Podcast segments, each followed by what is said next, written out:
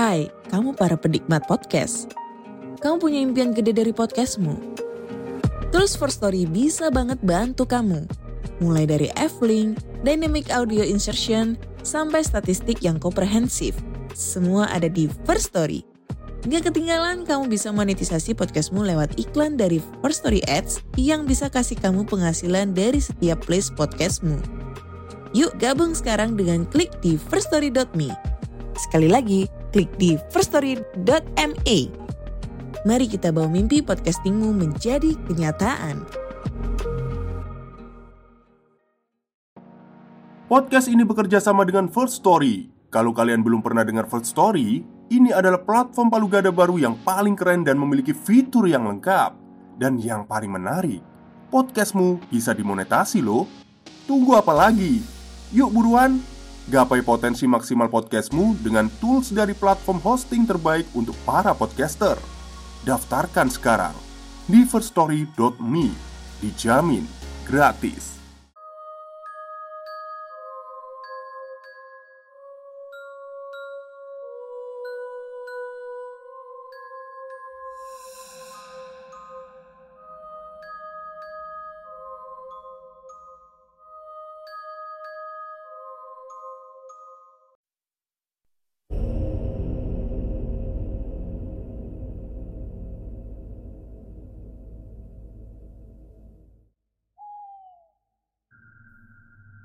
Assalamualaikum warahmatullahi wabarakatuh. Halo semuanya, jumpa lagi dengan saya Chow Sing Sing Kurator podcast horror Night Story.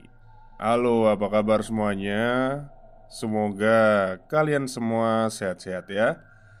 Dan seperti biasanya pada hari ini saya kembali dan akan menghadirkan sebuah kisah mistis untuk kalian semua. Dan Kisah mistis kali ini uh, saya datangkan dari seorang warga lokal ya Alias warga desa saya sendiri. Namanya adalah Pak Karman, bukan nama sebenarnya.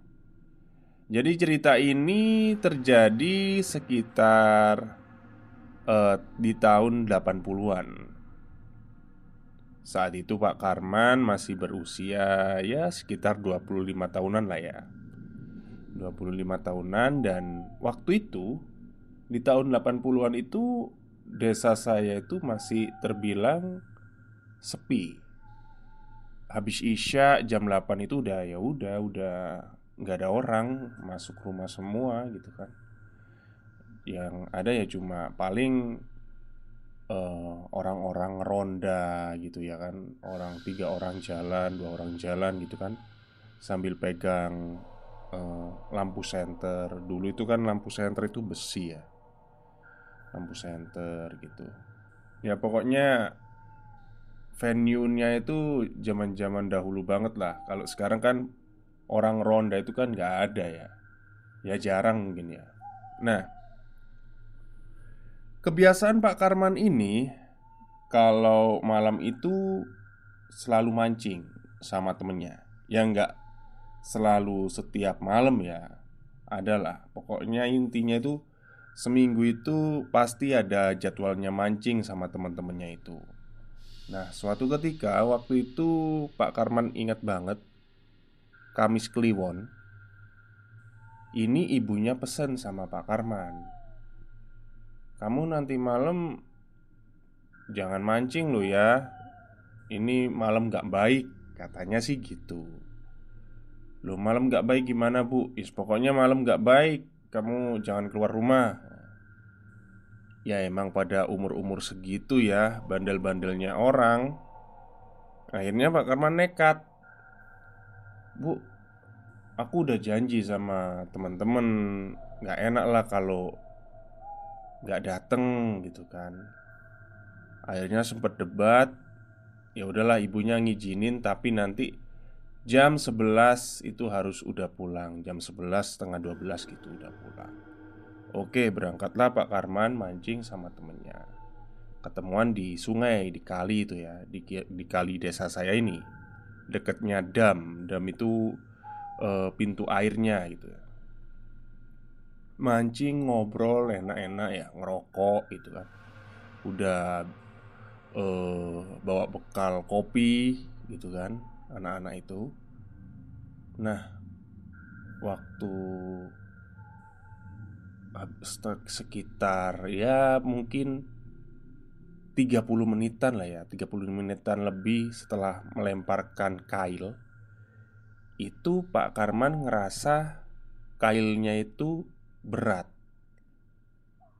Ditariklah, dipikirkan dapat ikan toh Ditarik kail itu Eh ternyata nggak dapat Ya udahlah Dipasang lagi umpan Dilempar eh, lagi ke sungai gitu kan. Yang waktu itu mancing kan tiga orang ya Pak Karman sama dua orang temannya itu. Katakanlah Budi sama Tono gitu ya. Nah di pancingan yang kedua ini lagi-lagi kailnya Pak Karmaniti mendapatkan sesuatu Berat kan ditarik. Karena agak eh, kerepotan Akhirnya si Budi sama Tono ini berinisiatif ngebantu gitu kan. Ditarik, ditarik, ditarik.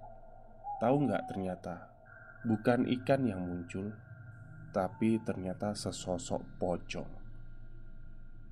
Kaget dong dua orang itu. Awalnya sih dikira ikan ya. Nah waktu di center ternyata pocong Tapi pocongnya ini dalam posisi merem gitu.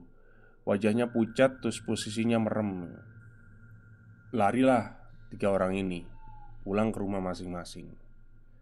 Setelah pulang ke rumah masing-masing eh, Keesokan harinya Gempar warga. Ternyata di sungai ditemukan sesosok jenazah. Jenazahnya itu perempuan,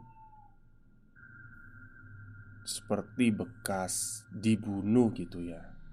Perutnya itu sobek, terus e, mulutnya juga disobek gitu menggunakan kayaknya sih golok gitu. Nah akhirnya tapi bukan itu bukanlah sosok yang ditemui Pak Karman sama temen-temennya yang pakai kain kafan itu bukan. Ini jadinya pakai baju, ya baju wanita itu daster gitu ya. Jadi pokoknya kayak gitulah. Nah, setelah kejadian itu, Pak Karman itu sama temen-temennya gak berani lagi untuk mancing di malam Kamis Kliwon. Nah ini nggak tahu ya hubungannya apa tapi Pak Karman bilang itu eh biasanya sih nggak masalah ya Mas ya. Kalau kita mancing hari-hari biasa itu ya nggak ada masalah, nggak ada gangguan gaib atau apa gitu ya. Entah kenapa waktu itu ibu saya ngomong ini malam malam Kamis Kliwon, jangan mancing gitu kan. Nantinya pokoknya nggak baik harinya. Dan saya pribadi pun juga masih pertanyaan, ada apa dengan malam Kamis Kliwon? Biasanya kan malam Jumat Kliwon ya, kalau kita ngertinya, tapi ini malam Kamis Kliwon. Oke, mungkin itu saja cerita pendek dari Pak Karman. Mungkin ceritanya agak ini ya, freak ya, aneh ya. Jadi kayak apa hubungannya si pocong ini sama jenazah perempuan ini gitu. Apakah kali itu, sungai itu tadi itu ngasih tahu lewat pertanda pocong atau gimana? Pak Karman juga pertanyaan sampai saat ini. Tapi dua temennya ini Budi sama Tono udah meninggal. Oke, mungkin itu saja cerita dari saya menurut narasumber Pak Karman dan Pak Karman sekarang berprofesi sebagai satpam di salah satu sekolah SMP yang ada di uh, daerah saya. Sukses terus untuk Pak Karman, semoga karirnya meningkat ya, jadi kepala satpam atau apa ya. Oke, mungkin itu saja cerita hari ini. Semoga kalian semua suka.